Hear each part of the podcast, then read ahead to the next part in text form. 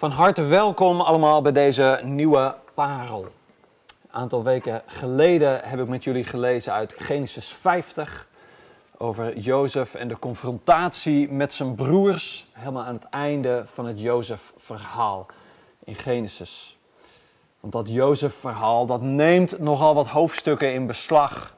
Jozef met zijn mooie jas waarmee hij pronkt naar zijn broers. Jozef met zijn mooie dromen waarmee hij zichzelf in het middelpunt zet. Jozef, de zoon van Rachel. En die andere broers, de zoon van die andere zus Lea, de zoon van slavinnen. En die broers die gooien hem in de put en verkopen hem als slaaf naar Egypte.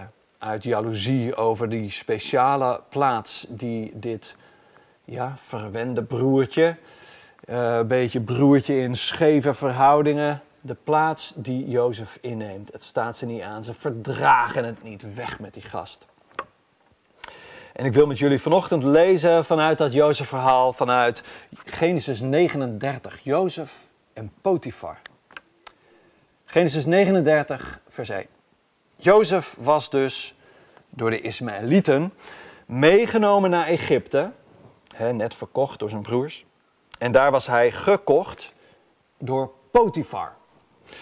Een vooraanstaand man die tot de hovelingen van de farao behoorde. Doe maar. Uh, een man die ook het bevel voerde over de lijfwacht van de farao. Nou, high up, zeg maar. Grote Egyptische hoge adel. De Heer stond Jozef terzijde, zodat het hem goed ging. Hij mocht in het huis van zijn Egyptische meester werken. In het huis, zeg maar, dus een mooie plek.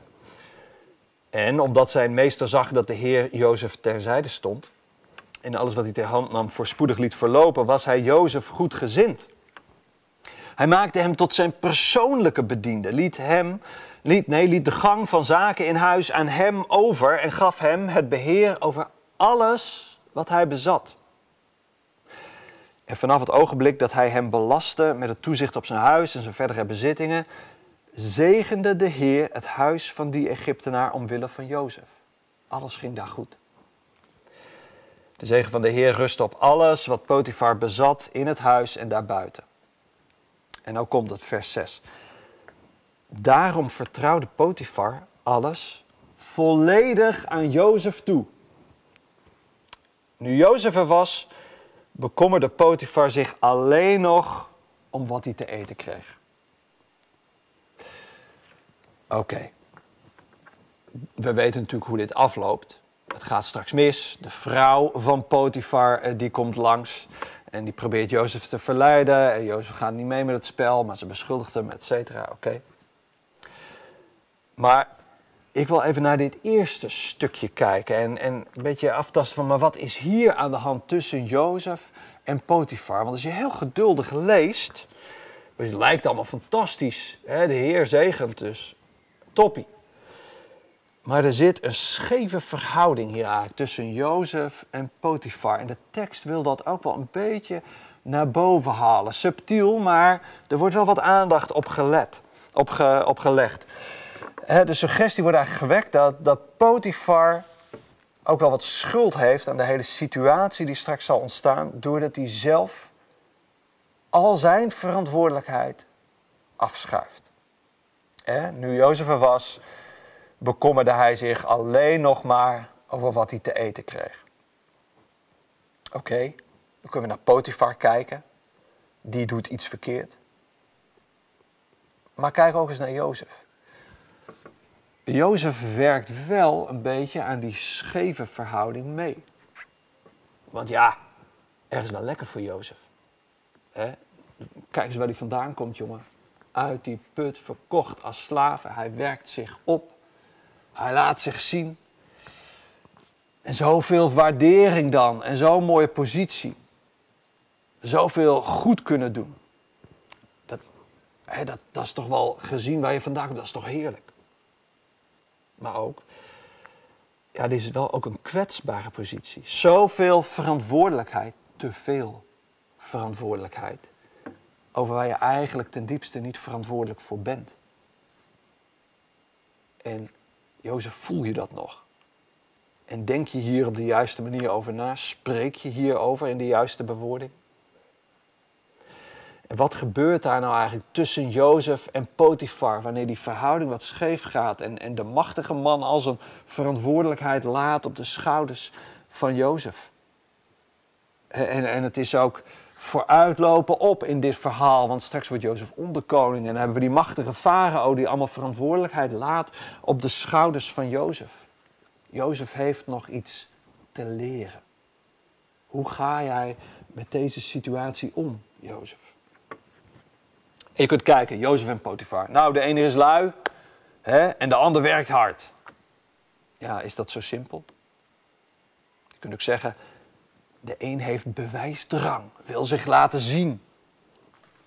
En de andere is misschien onzeker over zijn capaciteiten. Potifar hoge adel, misschien een relatief jonge gast. En die, die moet laten zien wat een verantwoordelijkheid krijgt hij.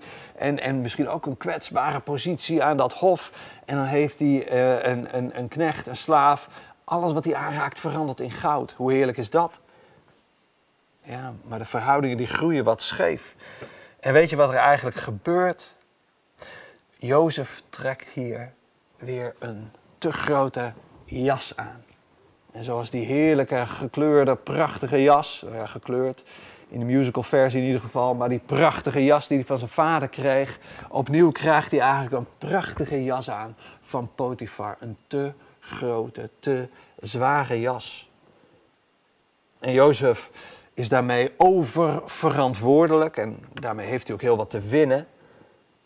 Terwijl Potifar, ja, hoe, die weet zich misschien niet zo'n raad met zijn verantwoordelijkheden. En dat roept vragen op, zo'n scheve verhoudingen, voor ons ook. De vraag bijvoorbeeld, voor wie ben jij eigenlijk aan het werk? Voor wie maak jij je zo druk? Voor wie sloof jij je uit? En is dat in verhouding? En als er scheve verhoudingen zijn, bij wie ligt dan eigenlijk de verantwoordelijkheid daarvoor? En misschien maak jij je wel druk en dan loop je druk te maken en in jezelf te mopperen van als ik niet doe, doet niemand het. En oh, ik moet kijken, ik doe altijd en altijd doe ik weer dit en dat. Wie doet dat eigenlijk? Wie heeft jou in die positie gezet? Degene op wie je loopt te mopperen? Of doe je het ook zelf? Wat is jouw aandeel in scheve verhoudingen? Wat is jouw aandeel in de verdeling van verantwoordelijkheden. En wat heb jij in je macht om voor jezelf op te komen en daar op een heldere en zuivere manier over te spreken en te denken. Luister eens mee hoe het gaat in het eerste gesprekje tussen de vrouw van Potifar en Jozef als ze hem probeert te verleiden. En hoor eens welke woorden Jozef kiest. Na verloop van tijd liet de vrouw van zijn meester haar oog op hem vallen. Kom bij me liggen, zei ze, maar dat weigerde hij. Nou, weet je wel, hier stoppen we. Applaus voor Jozef, de held. Hij kiest het goede. Maar wat zegt hij? Sinds ik hier ben, zei Jozef, maakt mijn meester zich geen zorgen meer over wat dan ook hier in huis. En hij heeft mij het beheer gegeven over al zijn bezittingen. Ik heb hier evenveel gezag als hij. Hoe hoog kun je de toren bouwen om van te blazen, Jozef. En de jas die je aantrekt, die is te zwaar. Jozef in de put. Jozef jaren in de gevangenis. Het is een verhaal met inktzwarte hoofdstukken. Maar de bedoeling van het Jozef-verhaal, wat, wat, wat er doorheen schemert, is toch wel dat Gods vaderschap voor Jozef. Corrigeert zeg maar wat, wat in het vaderschap van Jacob eigenlijk misgaat. En opnieuw wordt van Jozef hier weer een mantel afgenomen. Als Jozef wegvlucht bij die vrouw van Potifar, ze grijpt die mantel en ze trekt hem van hem af. En Jozef wordt op een manier die wij misschien als we het hele verhaal lezen wel erg cru vinden en erg hard. Huppakee, de gevangenis in. Maar hij wordt gevormd. Hij wordt gevormd voor die hele grote, belangrijke taak. Nou, ik zie jullie niet graag in de gevangenis belanden.